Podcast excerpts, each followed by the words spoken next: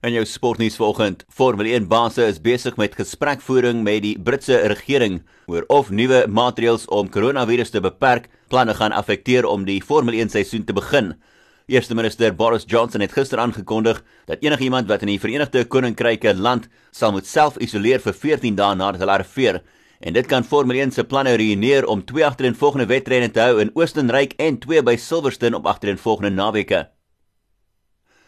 Vyf spelers het positief getoets vir koronavirus in Spanje se top 2 afdelings. Die spelers moet nou almal self-isoleer en sal weer getoets word en kan dan weer aansluit by oefensessies sodra hulle twee agtereenvolgende negatiewe resultate wys.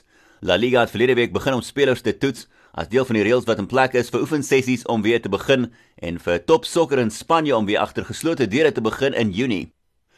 En die Engelse golfspeler Ian Poulter hoop dat September se Ryder beker voort sal kan gaan vir jaar selfs al moet dit gespeel word agter geslote deure sonder enige toeskouers.